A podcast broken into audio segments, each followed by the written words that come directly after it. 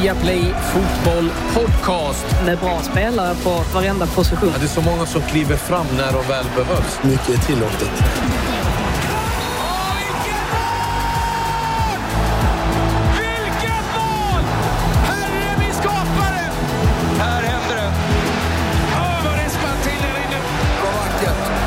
Nej, bästa dagen på året. Det största som har hänt fotbollen någonsin i princip. Hjärtligt välkomna ska ni vara till Viaplay Fotboll Podcast. Idag är det med Bojan och eh, Frida och vi skulle kunna kalla det Distanspodden idag. För Frida, som vanligt, i London och Bojan han sitter i sin paradvåning i Stockholm och eh, har det gott. Eh, hur, är, hur är det med er? Nej, jag orkade inte idag. Jag tänkte jag orkar inte komma in till jobbet. Helt ärligt. Jag kanske Sopbilen var i vägen. Allt var i vägen idag. Jag tänkte jag jobbade Champions League och sen ringer Claes och vill ha mig i podden. Klasse, ge mig ledigt någon torsdag. Men eftersom Frida är på distans också, för Fridas skull, gör jag dig den här tjänsten idag, Claes. Ja, vad, vad, vad fint Bojan att jag fick eh, hela... Eh, ja, men det känns fantastiskt. Vilken ära. Eh, och skönt också att vi följer liksom, Ja, men verkligen. Och skönt att vi följer liksom sociala restriktioner också. Det är ingen som kan anklaga oss för, för det i alla fall. Nej. Och Ett par mil emellan. Ja, precis. Och härligt att ha med dig igen Frida. Du var inte med förra veckan. Du var ute på lite smyguppdrag där, där du gjorde intervju med, med Ken Sema. Riktigt bra ska vi säga. Eh, skönt att få komma ut lite igen va, på fältet.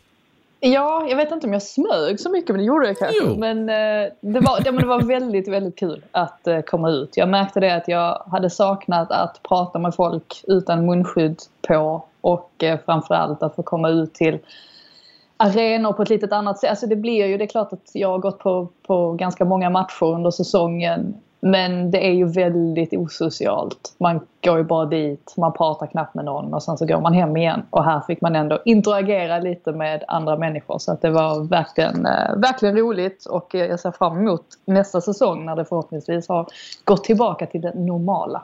Mm, ja, riktigt snygg eh, reportage blev det som vi kunde se i Premier League-studion. Blivit för stor för podden. Ja. Nej, men jag, jag, jag, jag, förstår det Frida, jag känner igen känslan. Nej men all, aldrig, aldrig för stor för podden. Så är det.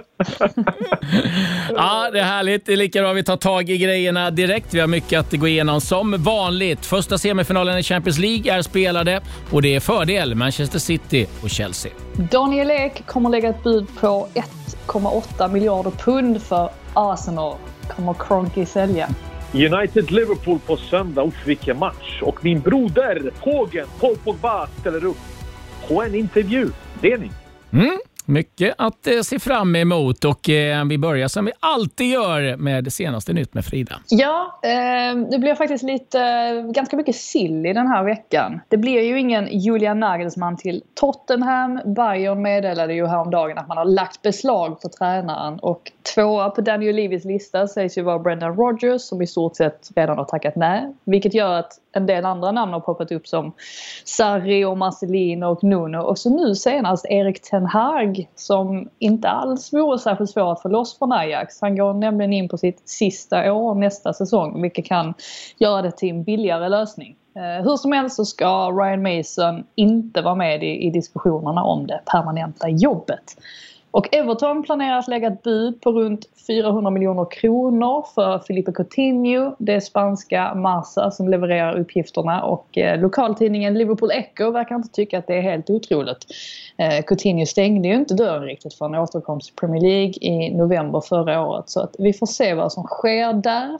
Och en spelare som sägs kostar ungefär lika mycket eller kanske till och med mer är Tammy Abraham. Eh, 23-åringen har ju hamnat i kläm under Tuchel som föredrar att använda sig av falskare nior och eh, han har ju två år kvar på kontraktet med Chelsea dessutom.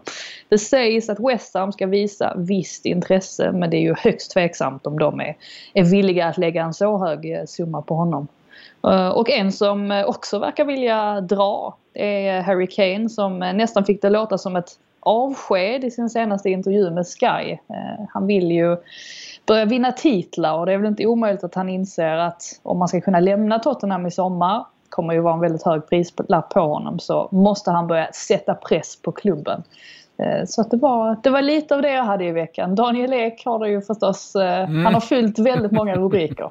Så har det varit. Ja, det blir lite, lite mer med honom eh, lite senare i programmet. Eh, Harvey Barnes, eh, bakslag, sin knäskada, missar därmed EM och du var inne lite på eh, Everton. Eh, det ryktas också om att James Rodriguez eh, är på gång att skriva ett kontrakt fram till 2023. Och sen Ja, Leipzig. De har gjort klart med eh, Jesse March som tränade Salzburg. Vilken eh, skräll det var. Det ska bli spännande att se vad han kan göra där. Och också Krösche, sportchefen i Leipzig, kommer att kliva av. Så då kommer man leta efter en ny sådan också. BT som är det bolaget som delar med Sky och Amazon kommer nu uppgifter om att de vill sälja av sin eh, sportdel. Det är ju eh, ett telefonbolag från början och eh, att man nu ska inrikta sig bara på att eh, sin core business så att säga. Så att, vi får se om BT kommer att säljas av. Eh, sen måste jag ju bara, den här var lite rolig. Emery försökte tydligen sälja sitt hus till Arteta när han eh, lämnade Arsenal. Då undrar man, det hade varit magi om eh, mm. ringklockan hade varit good evening. good evening.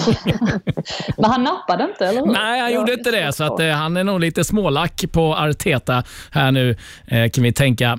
Emery. Eh, playoff till Premier League. Det är nu klart vilka lag som kommer att göra upp om eh, den tredje platsen till eh, Premier League, det är sedan tidigare Norwich och Watford som är klara. Brentford, Bournemouth, Swansea och Barnsley. Och jag vet att Bojan håller tummarna stenhårt för att Barnsley ska ta sig hela vägen här nu. Kom igen nu OKL, det här får vi jobba in. Sen måste vi bjuda på en eh, resa i memory lane. Det är idag exakt 25 år sedan det här hände. I've kept really quiet, but I'll tell you something. He went down in my estimation when he said that. We have not resorted to that, but I'll tell you, you can tell him now if you're watching it, we're still fighting for this title, and he's got to go to Middlesbrough and get something. And and I'll tell you honestly. I will love it if we beat them. Love it! Bojan, det här... Kevin Keegan. Sir Alex kröp under skinnet. United vann titeln. Han bankade pannan mot en reklamskylt där vid avbytarbänken på Anfield när Liverpool slog Newcastle. Men ändå, fan vad man ville nu när jag tänker efter. Att de ändå hade haft den där titeln. Det var sånt fantastiskt lag. De spelade sån fin fotboll. Man njöt ju av att se dem på så gamla Tips Extra 16.00. Det var enda matchen som, enda matchen som vi fick se ju. Och så pling i rutan. Men Sir Alex och United lyckades ta sig förbi och vinna ligatiteln det året. Ja, det där är en otroligt klassisk intervju och eh, ja, där tappar han det helt, Kevin Keegan. Ja, vi får se om de får chansen någon gång igen framöver, Newcastle. Att, Inte med din favorit Bruce i alla fall. Jag var tvungen att få in det. Förlåt Klasse, förlåt, förlåt. Jag ber om ursäkt. Jag tar tillbaka det. Jag tar tillbaka det. Jag ska skärpa mig. Nej, jag tar den. Inga problem. Jag tar den. Vi eh, ska nu blicka tillbaka till eh, de två semifinalerna som har spelats i Champions League. Händelserika och intressanta matcher har det varit. Oh, vilken fin boll. Rüdiger ner mot uh, Pulisic. Plockar ner den, Werner på bortre stolpen. Pulisic som är på väg runt och Pulisic Pulisic 1-0 Chelsea! Chelsea får utdelning för sin fina öppning. Marcelo. Borta finns Casemiro och så är det Benzema! Oh, han trycker upp den i taket! Det är kvitterat för det Karim Benzema! Men det är fortfarande helt öppet då inför returen på onsdag kväll nästa vecka i London. Vem som ska ta sig till final. What is interesting in the Champions League is that you have always in the second game you have a psychological, psychological problem to sort out. If you're the manager of Chelsea now, you go home tonight and uh, you will have to convince your player to adopt a strategy in the second game. Okay? So I tell you, will you play a 0-0? Yeah. It's risky. Or uh, will you try to absolutely to win the game? What would you do? I would try to win the game because Madrid is in a different situation psychologically. They go to Chelsea and they think we play, even if they score a goal, it doesn't change too much a problem, mm-hmm. you know. No, we, we, just play. So they, they and you are always in trouble when the way to behave is not clear because the lack of clarity gets the players in between two. For Madrid, they have one advantage. They are clear. they know what to do in the second game.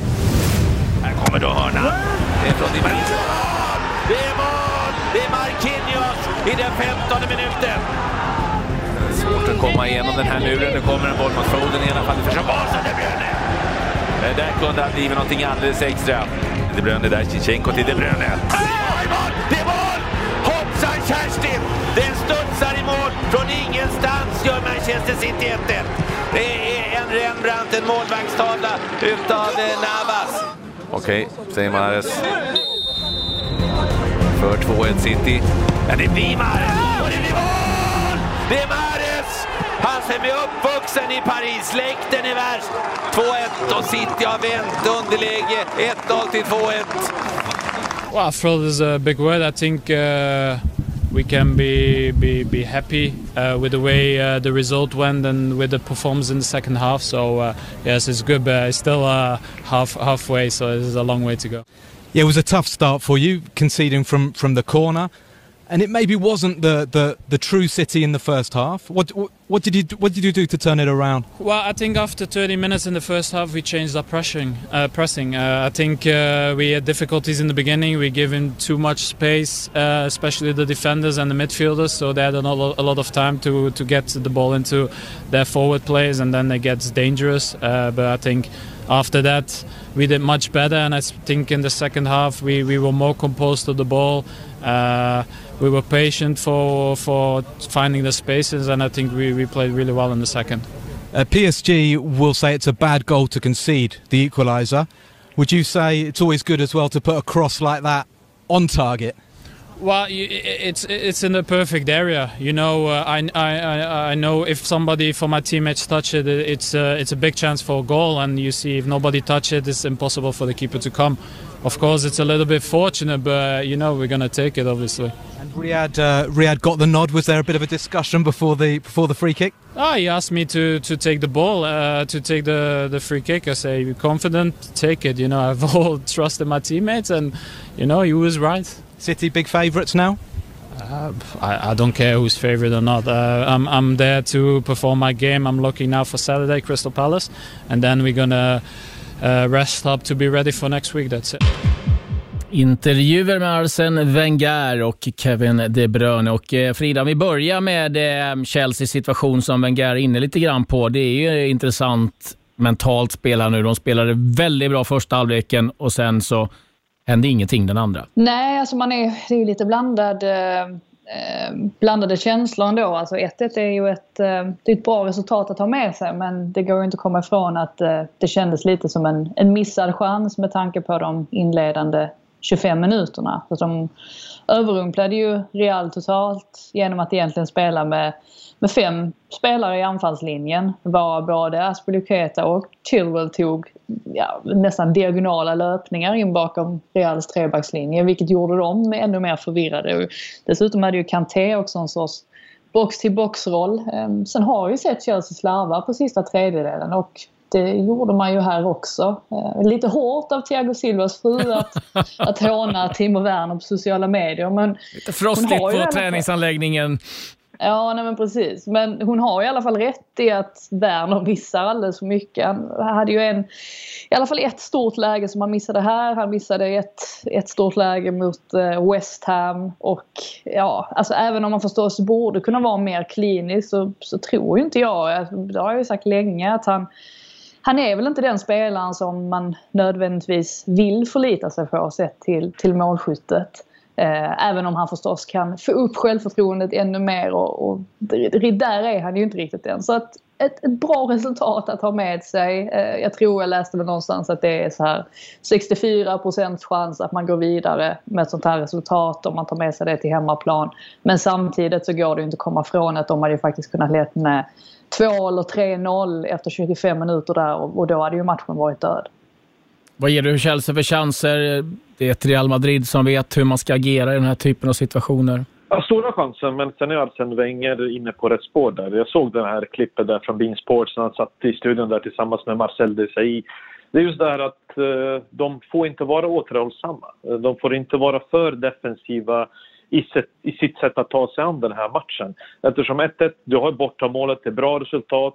Men Chelsea är ett lag, även om i stormatcherna har man lyckats ibland hålla den här nollan. Men de är betydligt bättre när de sätter den här pressen på motståndarna. När de tar matchen till Real, likt de gjorde eh, på Alfredo Di Stefano träningsanläggningen där. Så att de här första 25, de var fenomenala. Det var verkligen en utspelning. Och man njöt av att se Chelsea på så pass kort tid med samma trupp kunna dominera. Och speciellt det centrala mittfältet som fungerade så bra utan eh, Kovacic som är den absolut viktigaste pjäsen i det Tuchel vill få fram när de har eh, bollen under kontroll. Men rally Real under, under Champions League och från ingenstans så kommer den här fantastiska kvitteringen och sen jämnade de ut matchbilden och för dem kommer den här matchen komma precis lägligt. De har ingen press på sig, men de har ett material och de har en Karim Benzema som är steghet som kan faktiskt ta dem till ännu en final. Så att, det blir intressant att se vad som kommer hända nästa vecka, men det var en fin match att kommentera. Mm, och sen har vi då El Cashico, som de har döpt det till i England, givetvis. PSG mot eh, Manchester City. Och eh, vilken match det var, Frida! ja, eh, otroligt... Eh, alltså om någon hade sagt till mig i paus hur matchen skulle sluta så eh, hade jag faktiskt blivit ganska överraskad. För att det, visst, det blev ju en väldigt bra kväll för Man City men ärligt talat så såg det ju otroligt stelt ut under den första halvleken. Eh, alltså det blev ju snabbt tydligt att City de de skulle göra som de brukar, hålla i bollen och på så sätt kontrollera liksom matchen och, och PSG. Men problemet var väl att City-spelarna saknade aggressivitet. De slog alldeles för få linjebrytande passningar. För många spelare som blev isolerade som De Bruyne och även Foden i, i mångt och mycket. Även om han då hade den, deras bästa chans där en stund innan paus. Och sen blir det andra halvlek och PSG sjunker bara lägre och lägre samtidigt som City trycker upp. Och även om båda målen är Alltså det är väldigt mycket juniormisstag över Navas ingripande och sen en mur som inte kan hålla ihop så, så var det oundvikligt. City var det bättre laget i den andra halvleken. Och eh, ja, hur overklig matchen ändå kändes totalt sett så går det ju inte att komma ifrån att eh, City har eh, en väldigt stor möjlighet här att, att ta sig vidare och det är väl inte helt omöjligt att vi får en helengelsk final. Eh, och det, ja, det vore ju något. Alltså, eh, Mbappé fick en trea av eh, L'Equipe på en skala på 10. Han hade ja, 30 det, det toucher. Ederson hade 31. Det var ingen match. Ja, det var helt kom, ja. jag, tror inte Phil, jag tror inte Phil Foden hade mer touch än Ederson heller under den första halvleken. Och det var de här två vi pratade väldigt mycket om efter kvartsfinalen. Och, eh, PSG behöver en Mbappé som presterar på samma nivå som Neymar och Di Maria gjorde under den första halvleken för att kunna lyckas. Man är fortfarande en fara. Bara du vet att han finns där så blir du orolig. Han tar upp så mycket av din tid för att hålla reda på honom. Likt han kom loss en gång i andra halvleken och så nära att han hittar Verratti till ett 2-0 mål. Men den tekniska skickligheten igår, den njöt man av första touchen, dribblingarna, längre passningarna, korta, pressen, andra bollarna. Ja, det var sån hög grad på den tekniska skickligheten som jag inte har sett under årets Champions League. Så att man bara man satte sig tillbaka där i studion, i, stolen och man bara njöt. Men som Frida var inne på, efter den första halvleken så tänkte jag Uff, det här kan ju kanske rinna iväg. För nu har de 1-0 ledning. De, de är så vassa i sina omställningar Eh, PSG när City måste trycka på nu.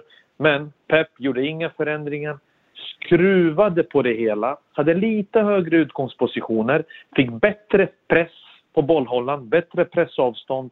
Och när med det systemet utan en nia han kunde trycka upp sina wing, äh, wing eller höger och vänsterback, sina ytterbackar i Walker och Cancelo första kvarten under den andra delen, då fick man övertag. Man skapade inte riktigt de heta chanserna, men genom en kontroll, genom en struktur så fick man matchbilden tillbaka och till slut också, jag tycker helt rättvist, vinner eftersom man dominerade den andra halvleken på ett sätt som jag inte trodde på eh, såklart efter PSGs dominans under den första.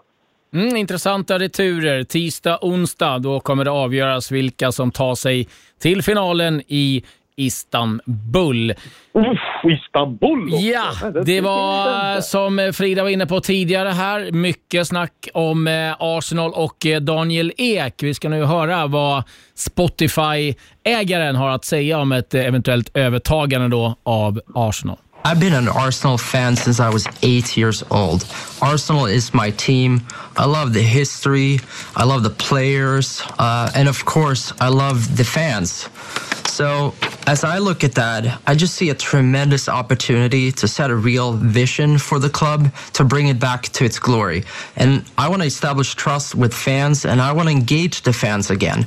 So, to answer your question, I'm very serious. Um, you know, uh, I have secured the funds for it, and I want to uh, bring a what I think is a very compelling offer to the owners, and I hope they hear me out.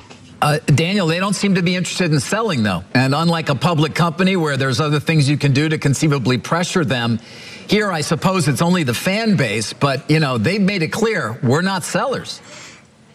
Yeah, but you know, as I started out saying, I've been a fan for 30 years uh, of this club, and I uh, certainly didn't expect that this would happen overnight. Uh, and I'm prepared that this could be a long journey. But you know, all I can do is prepare what I think is a very thoughtful offer and bring it to them and hope they hear me out. Well, one of the things that uh, they're saying is that they're not interested. That to me sounds like an opening offer. uh, you have a lot of cash. You are the fan owner. Everyone wants to see an owner who identifies with the fans. I don't want to slam the uh, the Crunkies too much, but they own a lot of teams, and it seems like this is just some asset for them, and nothing real particular. Doesn't that gall you? Doesn't that make you feel angry?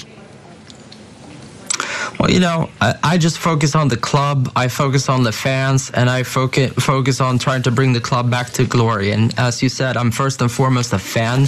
That's the most important uh, thing for me, and I want the club to do better. That's my primary interest. Daniel Ek där eh, i en intervju med amerikanskt bolag. 1,8 miljarder pund sägs budet ligga på. Frida, hur, hur har det här tagits emot i England? Eh, dels av fansen, men kanske vad, vad tror man? Finns det någon realistisk möjlighet att han kan ta över klubben? Ja, det finns många lager av den här storyn framförallt. Eh, dels vilket tillfälle han valde att gå ut med sitt intresse och att det dessutom var så publikt som Mm. på Twitter. Eh, och just att det kom där i samband med protesterna inför mötet med Everton. Det, man undrar lite, var det planerat eller kände han att nu, nu kör vi bara?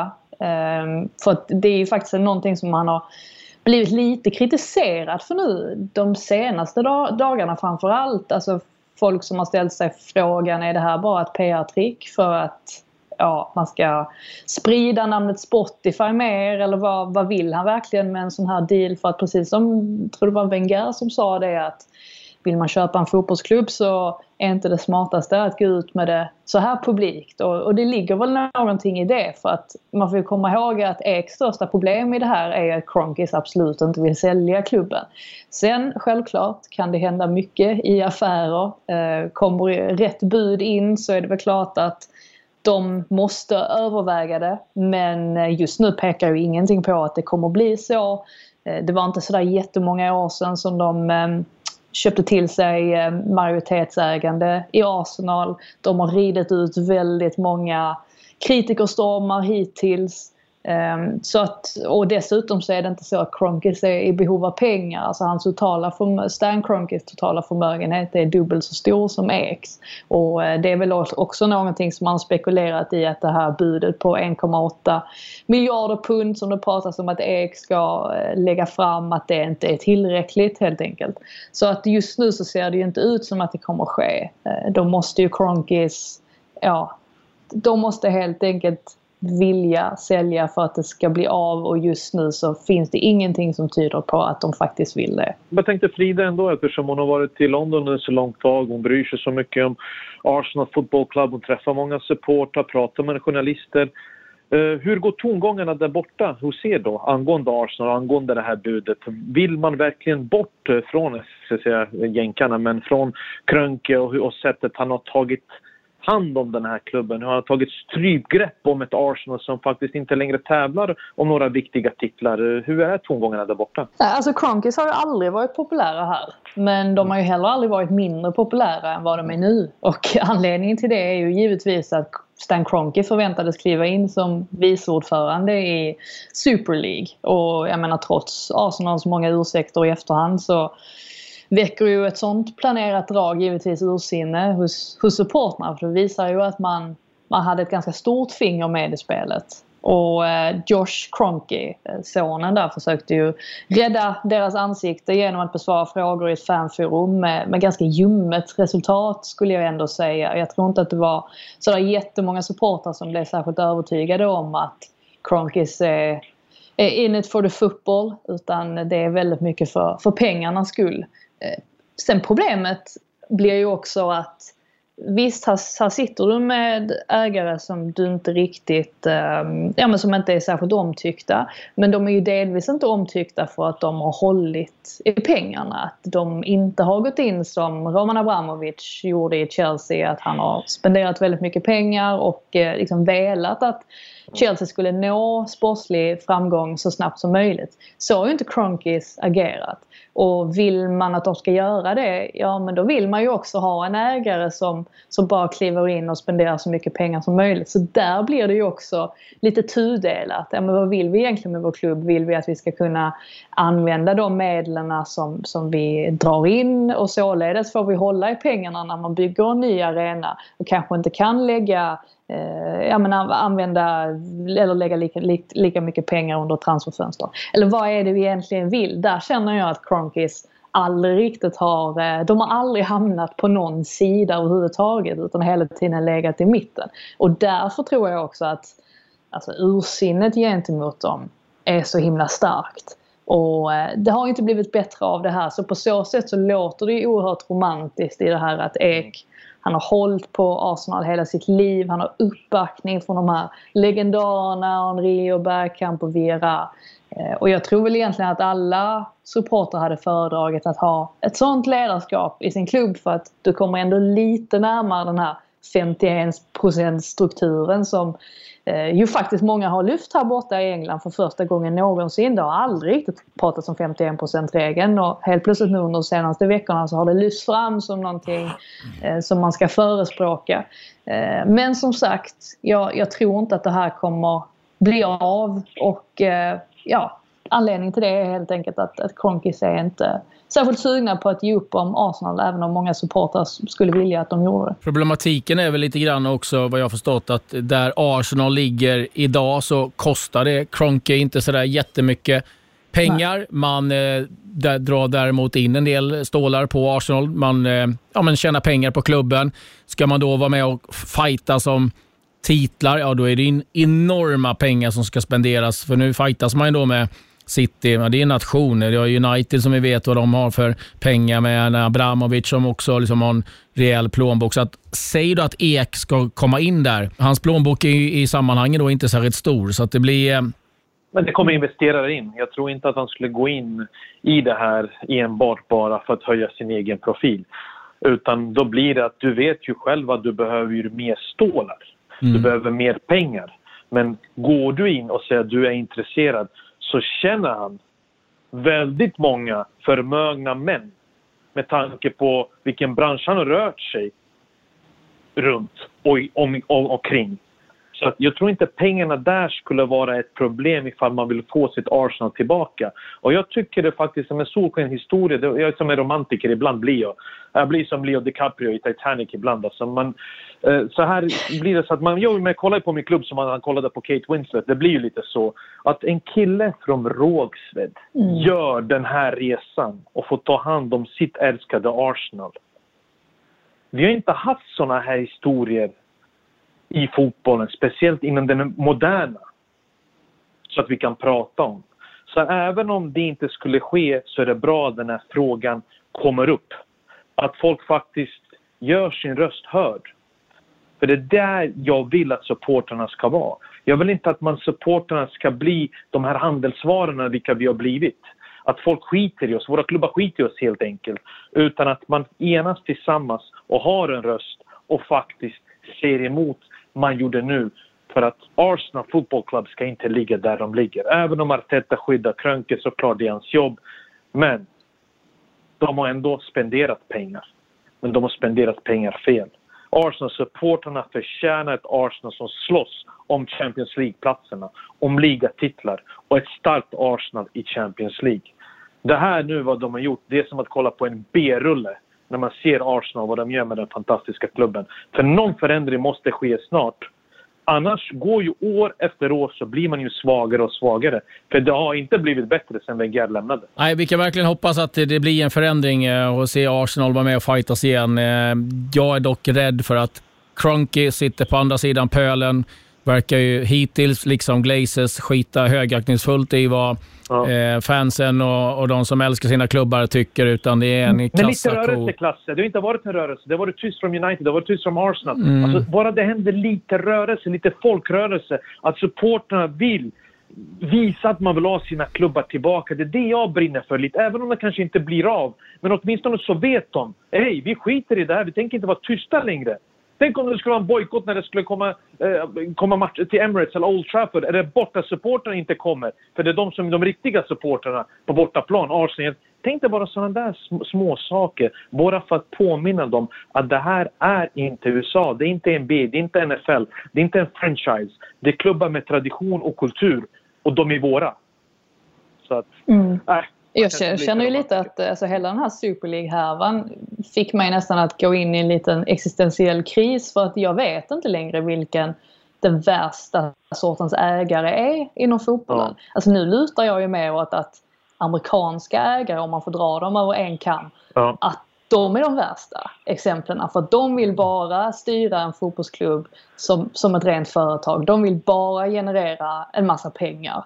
Och samtidigt finns det då andra ägare som kliver in ja, från, från eh, alltså Saudier exempelvis och sådär som, som har helt andra, de vill inte tjäna pengar, de behöver de vill inte tvätta sitt namn, det är det de vill. Ja men exakt, de vill tvätta sitt, sitt namn, sitt varumärke, lyfta, göra reklam för sitt, sitt land. Eh, det är mer eh, det är mer den typen av anledningar. Jag vet inte längre vem den ultimata ägaren är. Det kanske är Daniel Ek då, alltså med en, med en eh, supporterbakgrund och och eh, uppbackning från legendarer. Ja, ja, alltså det är klart att 51%-regeln är ju, är ju vacker i sig och jag tycker att det är jättefint att vi har den i Sverige. Eh, men hur man går vidare härifrån nu, det, det är lite svårare.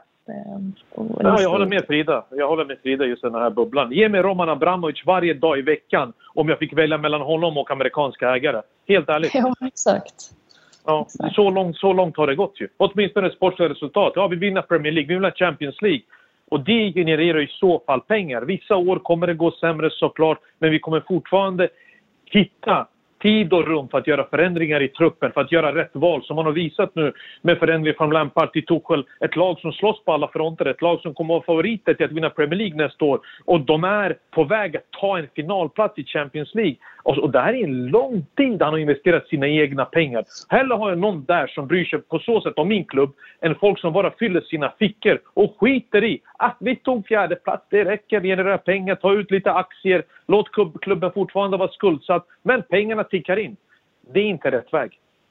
Nu ska vi höra och lyssna lite på en klubb som verkligen har riktigt bra ägare. Det är dags för att lyssna på måndagsmatchen ifrån Premier League. Ja, det är bra. Titta här. Titta där. Det är Zaha som får chansen och han sätter dit bollen. i Nacho! Och där har vi Kastanj och vi har 1-1 rakt upp i krysset. Inacho. Han visar stor fart. Oj, oj, oj! Tjonge-medaljongen. Inacho var det. Han har passat fram till ett. Han har sett till att Brendan Rodgers lag nu är mycket nära en plats i Champions League. He's a talented player. You know, if I think of the difference in him tonight than when he played Crystal Palace last time, but when he played them around the Christmas period, he wasn't playing so much. And, and when you're a, a striker in particular, that rhythm of games is important. And uh, but over the last few months, he's he's been absolutely incredible. His goal tonight.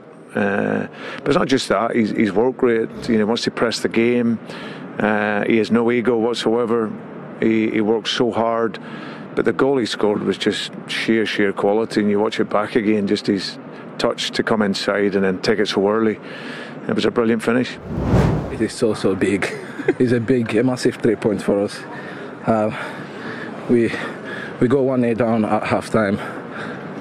We were nervous a little bit, but um, in the second half uh, we change it around. We we we get control of the of, of, of the game and get them running, and the space uh, keep coming.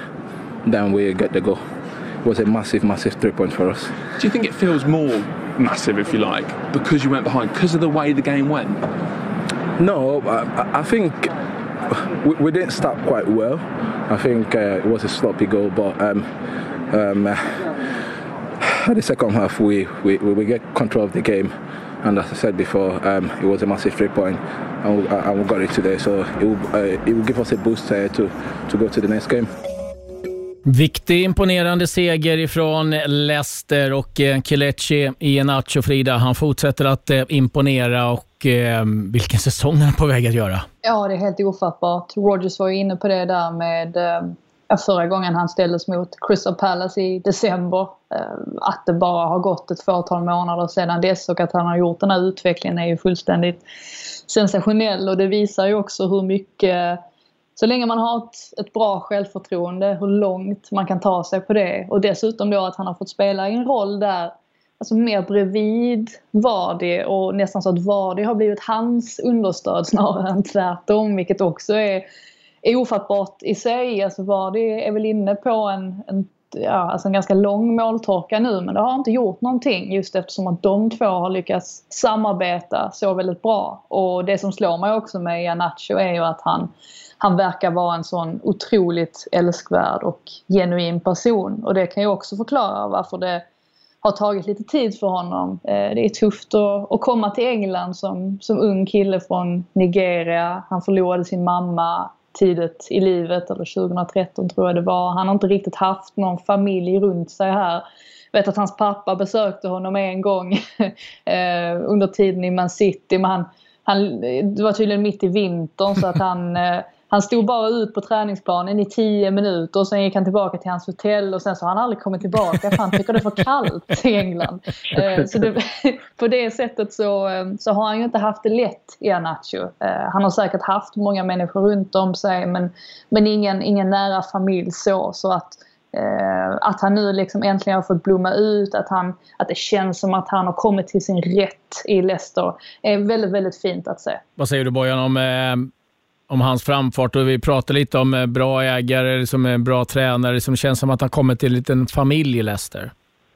Ja, men han ska ju tacka Brendan Rodgers och hans tålamod. För han har ju sett, sen, han har ju sett en spetskompetens. Uh, han har spe, sett en spelare på en träningsanläggning som behövde gjutas in ett självförtroende. Ett självförtroende som ett måste för att han skulle kunna ta fram alla de här kvaliteterna vi vet att han besitter, som han har då och då plockat fram första touchen, hastigheten, löpningen in bakom, avsluten. Och när Vardy hade måltorka så klev ju Kelechi Iheanacho fram. Och det är inte bara att han klev fram. Det är inte bara att han spelade någon biroll. Han tog huvudrollen. Han tog den huvudrollen så hårt så att vi inte ens pratat om Vardy och hans måltorka. Utan Vardy har blivit också en mer lagspelare och på ett sätt kunnat pustat ut och veta att han har för första gången en avlastning bredvid sig. En kille som sprutar in mål när Leicester behöver det. Hade inte Janacha varit där, hade inte Brendan Rogers, Brendan Rogers, Brendan Rogers coachat, honom, coachat honom väl, så hade inte Leicester varit i den positionen de är idag. Att ta sig till Champions League, att ta en topp 4-placering. För tänk dig utan Janacha, utan Brendan Rogers, att man har bara satsat på ett kort i Vardy och med den måltorkan hade Leicester, likt förra året, ramlat ur topp fyra. Nu har de en Nacho och nu verkar vägen till Champions League vara öppen och klar. Det här får de bara inte tappa nu. Nej, skaffat sig ett eh, lite lucka ner till eh, West Ham på en Men vilken tackling från Johnny Evans! Ah, vilken tackling! Han tog fram gamla oh. takterna. Boom! Maxhastighet, löpning bakåt. Ingen ska göra mål här. Men Riddervall tänker, varför avslutar inte? Men jag förstår det. Benteke skulle nog skrika på honom i omklädningsrummet. Men vilken jävla tackling ändå. Ja, men den var ju verkligen matchavgörande vid ett 1-1 läge. Ja, fantastiska. De är, ser intressanta ut, eh, Leicester, och eh, får in lite pengar till nästa säsong om det nu blir eh, Champions League, bygga vidare på det de eh, har. Intressant också så jag i en intervju där med eh, Iheanacho att eh, när en eh, spelare från Nigeria spelar i Europa, då blir man kallad senior man i, Mm. eh, i Nigeria. Så att eh, även de äldre, när de träffar Iheanacho nu, så kallar de senior man. Alltså att det, det är lite sjukt, men det är så det är. Vilka nigerianer vi har haft också. Fan, jag tänker bara på J.J. Kocha, Kanu. Vilka artister. Men jag är så glad också efter den sessionen han hade i City nu att han får faktiskt växa ut och vara en spelare som hittar jämnheten. Att det inte längre är den här berg och dalbanan och förhoppningsvis så fortsätter han med den här formen in i nästa säsong. Så att, ja, det är härligt att se när folk hittar rätt. Kom ni ihåg eh, Nigerias eh, landslags, alltså kostymer till v- förra VM? Ja, vad var det nu med dem ja? Det var ju med st- typ stråhatt och grejer. Jag har Just den här, den är helt fantastisk. Ja, jag måste lägga upp för jag vet inte vad du pratar om när du är på distans. Jag ser inga bilder nu. Jag har faktiskt inte det på nätet. Jag skickar den till dig nu, så får du den, så ska jag lägga upp den på, på Instagram sen. En eh, sagolik... Eh, sånt skulle du haft Bojan när du spelade. Podden bör ju nu, när vi pratar om nigerianska spelare från Nigeria, då får de lägga ut J.J. Okochas dragningar i Bolton, Kanus mål i Arsenal i en match. Ja, Det hade varit härligt. Vem var det som tog eh, JJ Okocha till England och Bolton? Eh, jag vet inte, men han kallas för Big, Big, Big, Big Sam. Big, Big, någonting med Big Sam. Bojans favorittränare. Det var han som utvecklade JJ Okocha. Nu är det dags för eh, tipshörnan.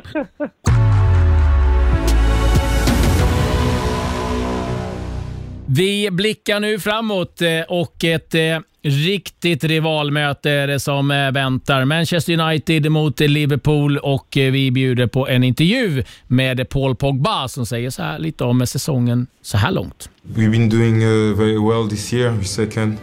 We're still on Europa League, um, but we want to to end up well, like really well and pleased with ourselves. We, we just want to to win something to achieve uh, really uh, our goal in is, and is to win the, the Europa League, and it was also to win the, the Premier League. But we we very close this year, so you can see some improvement. So that's that's a good thing. You've got a huge match this weekend against Liverpool, one of your big rivals. Um, how do you prepare for a team against Liverpool? And is there a sense that they're, they're not quite the team they were last season? Does that give you more hope? Uh, no, we, really, we don't look at uh, them. We just look at ourselves. Um, we know where they're in the table. Um, we see the result and everything, but we just have to think about us. Um, and now we're second. You know, we're ahead of of them, and we want to keep winning. We want to stay close to to uh, Man City, and um, that's it. So um, you know, it's an important game uh, like every weekend in, here in Premier League, and we're gonna take it as as it comes and as uh, every weekend uh, and every team in the, in the Premier League. Pogba, fin nedtagning Pogba, tjusigt Pogba. Skott Pogba! Wow! Paul Pogba! You're such a big name player uh, around the world. You've had your ups and downs with injuries, maybe your ups and downs with form. Right now, you look as focused and, and, and as, as um, comfortable in this United team as, as you've been. What's what's your mentality at the moment? What, how are you feeling about Paul Pogba uh, being in Manchester United? I feel great as always. Um, that that will never change. Um, like you say, there's always life is about up and down, but it, it's also about never give up. So we never give up. I've been having uh, injuries. Uh, just came back. You know, you try to to come back at your best. Um, I know it's not it's not easy also uh, to get injured and and come back and uh, and perform perform well. So we're just trying to do that. I know I have the I have a good team working with me, um, the staff, the, the, the players always the, they always help me to come back and to be at my best, and that uh, just carry on. It's still the same thing now. We're just uh, pushing to get better, to improve, to improve ourselves, to improve the team, and um, and yeah, that's that's it. David Shaw. Och Fernandes! Oh, vilken träff! Vilken träff! Kvitterat Bruno Fernandes med ett delikatessmål. Nej, mästarklass från Fernandes. Yeah, uh, I have a very good relationship with uh, with Bruno. Um, always had, always had. He's a very good guy. It's a winner. I like the mentality also, you know. Um, and it's true that we speak in Italian. Um, the, we always, I don't know, we started like this. Uh, when you arrived, we start speaking Italian and we just carry on speaking Italian because when we start speaking, he was at Udinese and I was at Juventus, and we start speaking Italian, so we just carry on doing that. And um, like I said, yeah, Bruno it was a big impact for us in the team. Uh, he brings us this energy, this uh, this passing, this finishing, you know. Um, and uh, we really, we really like that. We really needed, we needed that also. And uh, me and him on the pitch, we had good understanding also. Um, you know, for his passing, me my running, or vice versa. And yeah, I have uh, we get on very well. Do you see all the right signs for United to be making more of a challenge maybe next season?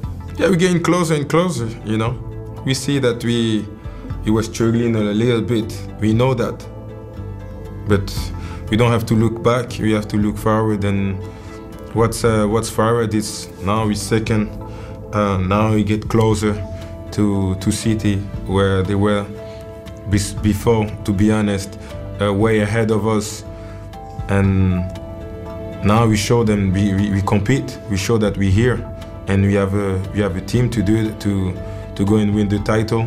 And it's just few details. We can do it, for sure. Liverpool did it, uh, City did it, and we now we're there. We have to show as well uh, that we can make it, and uh, that's what that's what um, that's the next goals. Paul Pogba där inför matchen mot eh, Liverpool. Ja, han är inne på det Bojan, att han tycker att klubben, laget är på rätt väg. Eh, är det din känsla också? Men måste vi prata om Manchester United nu igen? Jag trodde att podden eh, led mot sitt slut.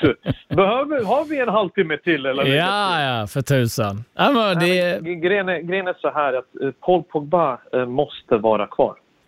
Intressanta kommer ju finnas. Eh, De som vill skämta till det lite brukar ju säga alltid att ja, men såklart från januari fram till sommaren då Paul, Paul Pogba höjer sig. Då han vet han också att klubbarna, stor, större klubbarna kommer vara ute efter honom. Och såklart med det han har presterat, hans tjänster.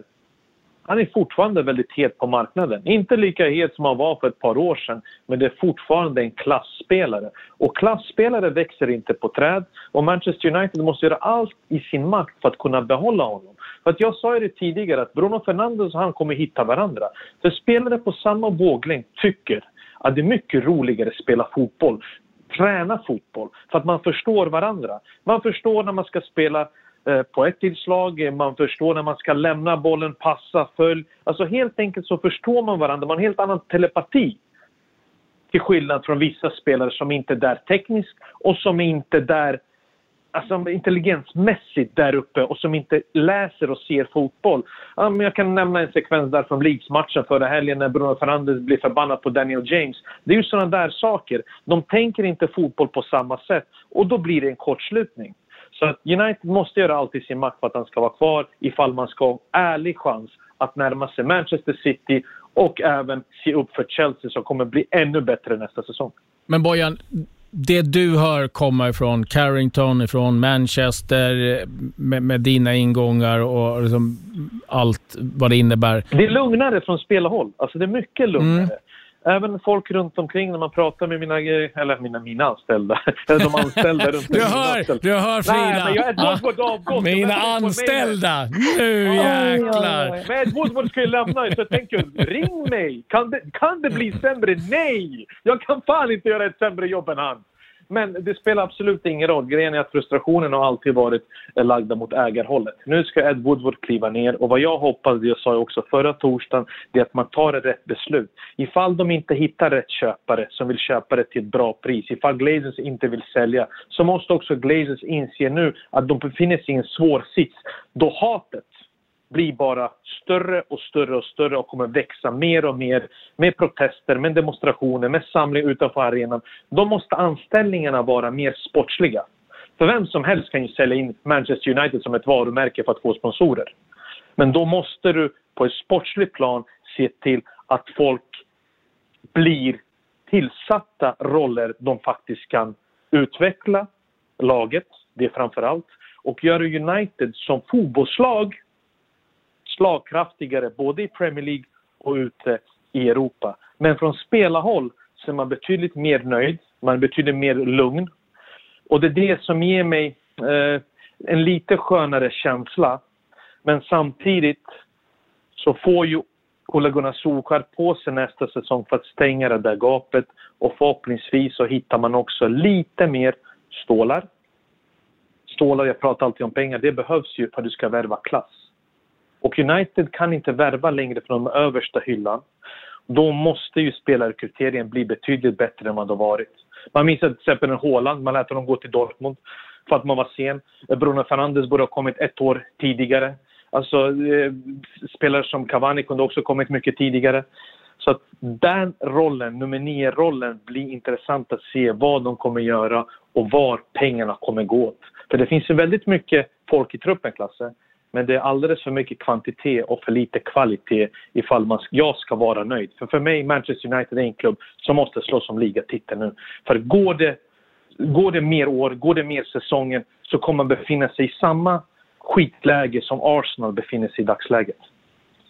Intressant är ju också, vilket man nästan har glömt bort i den här matchen, eh, det är ju att eh, Frida United kan ju liksom riktigt slå igen spiken i kistan för Liverpool här och eh, kan ju bara tänka mig hur bra de skulle må i United-läget om man eh, kan skjuta de Champions League-drömmarna i sank.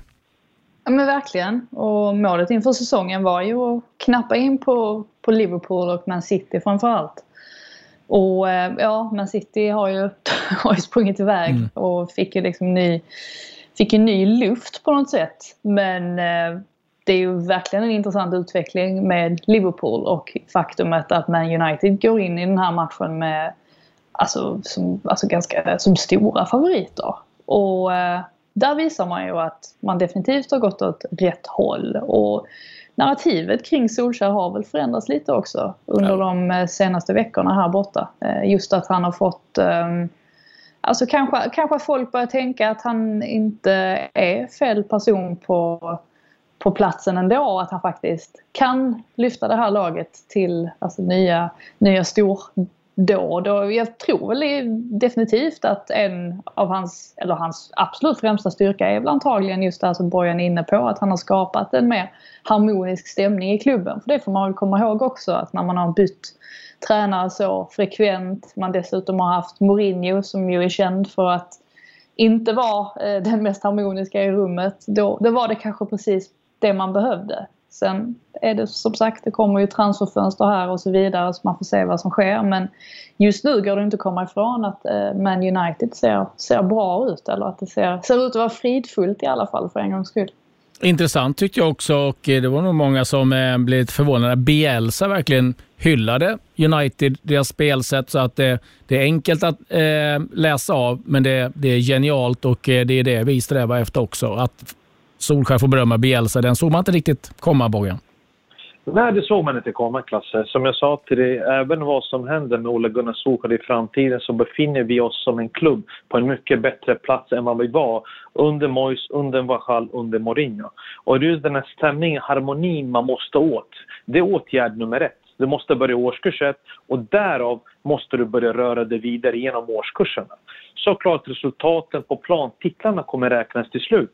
Just nu har man tålamod, men du vet hur snabbt det kan svänga. Ja, Champions League-platsen är redan säkrad, men man behöver vinna. Alltså enligt mig, man behöver vinna Europa League. Bara för att man ska få med sig den här titeln och få en lugn och ro när man går in i nästa försäsong. Och när man går in i nästa försäsong, då behöver man mer spelare med kvalitet som kan göra det här laget slagkraftigare. För mycket av vårt spel, oavsett det taktiska, hänger på den individuella briljansen. De individuella prestationerna från spelare som Bruno Fernandes, Paul Pogba, Marcus Rashford, även nu Mason Greenwood. Och de behöver också hjälp. Truppen i sig är ju väldigt tunn mycket spelare, men den är tunn i kvalitet. Och där behöver han ha sin backning ifall han fortfarande ska ha sin plats kvar. För du vet ju själv, snart kommer de här parallellerna också börja dras ifall det inte blir... Men kolla hur det blev för Chelsea. Och Lampard tog dem till Champions League, sen började han dåligt. Sen kolla vad Tuchel gjort med samma trupp. Har vi en sån där dålig trupp, ska inte vi vara närmare? Och man vill ju slippa de frågorna. Men eftersom de stora namnen som ryktade, det ryktades om efter 1-6 på Old Trafford mot Spurs har ju försvunnit. De har ju fått sina nya jobb, förutom Allegri då. Så har ju tongångarna verkligen, det har tonats ner. Men det som glädjer mig i alla fall när jag pratar med mina kontakter, inte mina anställda längre, så är det just att de mår ju mycket bättre. Det är mycket lättare att få tag på folk. Det är mycket trevligare att prata, de är mycket trevligare i ton. Alltså det är lite mer leende på läpparna än vad det har varit. Så det är inte krystat, men United är en klubb fortfarande, glöm inte. Det är titlar som räknas där. Ja, Frida är lite oroliga. Du, dina anställda, har de kollektivavtal? Nej, inga, jag betalar svart bara. Jag betalar svart. Kom bara! Kom till Kungsholmen, Bojan väntar i parken.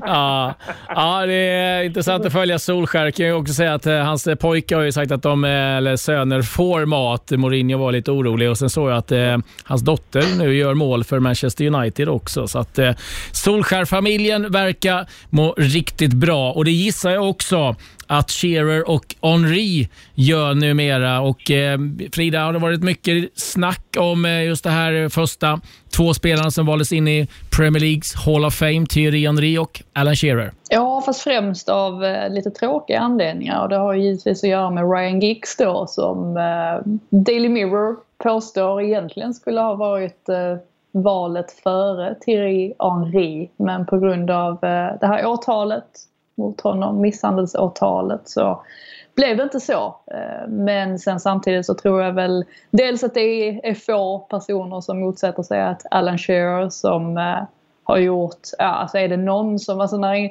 inte ens Sergio Aguero eh, kunde ju slå hans målrekord så man undrar om någon någonsin kommer göra det. Eh, samt då Thierry Henri som eh, en legendar i sig. Jag tror inte att det är så många som motsätter sig att de två eh, valdes in. Men som sagt, det har varit mycket snack om gigs i veckan.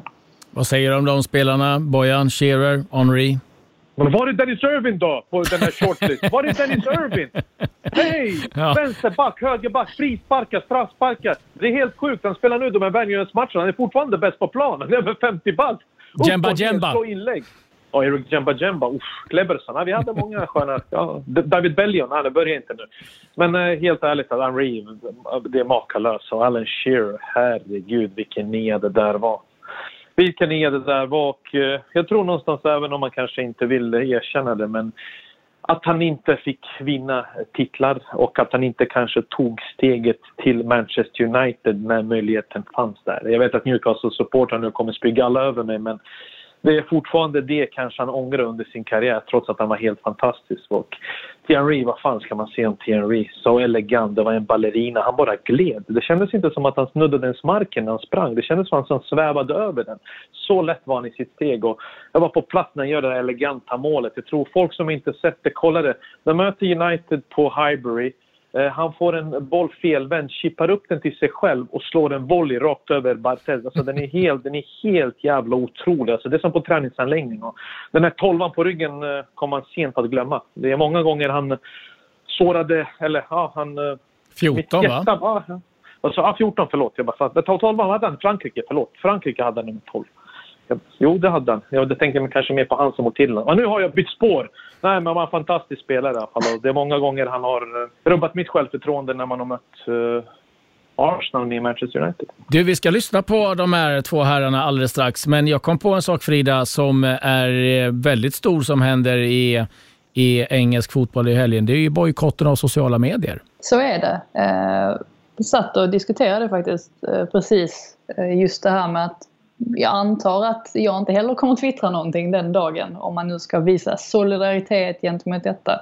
Ehm, ja, man kommer helt enkelt eh, undvika sociala medier i helgen för att eh, ja, sätta ner foten gentemot klimatet där. Och ehm, det blir väl intressant att se vilka effekter eh, ett sånt beslut får. Mm, det var just Thierry Henry som började med att eh, kliva av alla sina sociala medier eh, för att det var eh, så mycket rasism och eh, annan skit eh, som eh, följde med det där eh, som han eh, tog del av. Och nu är då alla klubbar i Premier League, det är FA, det är Women's Super League, ja, alla involverade i England kommer nu stänga av sina sociala Eh, konton. Det är Facebook, Instagram, Twitter, ja, tutti under hela helgen och eh, vi hoppas att det initiativet får lite fart på de som eh, styr de här eh, sidorna. Nu ska vi lyssna på Alan Shearer och eh, Thierry Henry om att bli invalda i Hall of Fame. Med det så säger vi härifrån tack och adjö. My dream was to be a professional footballer. I lived on a council estate. I was no different to any other lad in Newcastle. I loved scoring goals at that age. I loved St James's Park and I wanted to sample that atmosphere. Southampton were a selling club then and produced some great players, so I got an indication that Blackburn were going to make an offer for me, and they did make an offer for me. It was only going to be a matter of time. It might take a little bit of time, but it was a matter of time before we were going to be successful. I still think for Blackburn to come out of the old First Division into the Premier League and take on the big boys like they did, I don't think will ever be repeated again. At one point, I was going to Manchester United. I'd made my mind up to go there. I was guaranteed trophies, wasn't I, if I had gone to Manchester United? I wasn't guaranteed them, but what I was guaranteed was I was going home. I was going to the club that I loved.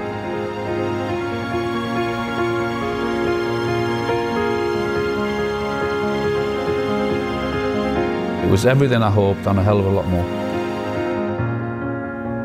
I could feel myself losing half a yard. I'd decided to retire, and then Graham had persuaded me to stay on for one more season. He said to me, Look, the record's in sight.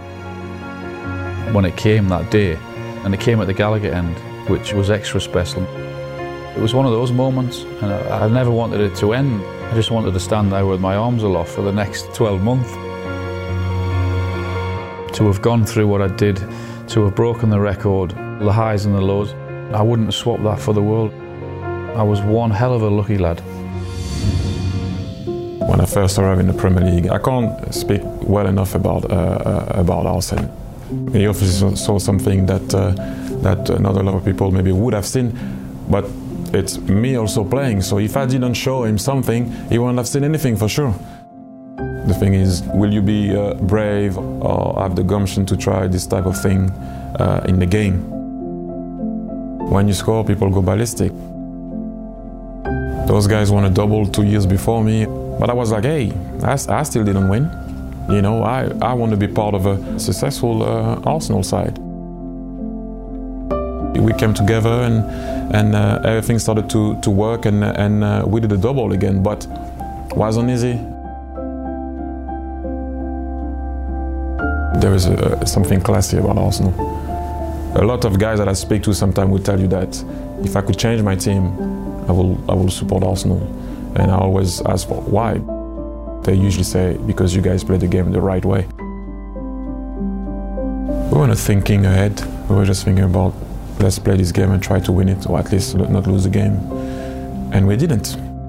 When the whole, the whole season beaten, I mean, it was kind of weird because it's only now that I'm actually realizing what it does represent. I grew as a player and as a man uh, with Arsenal Football Club. I left Arsenal uh, uh, leaving something behind me. At least I left something with my teammates there that uh, uh, that I can remember and, and hopefully the Arsenal fans can remember and can cherish.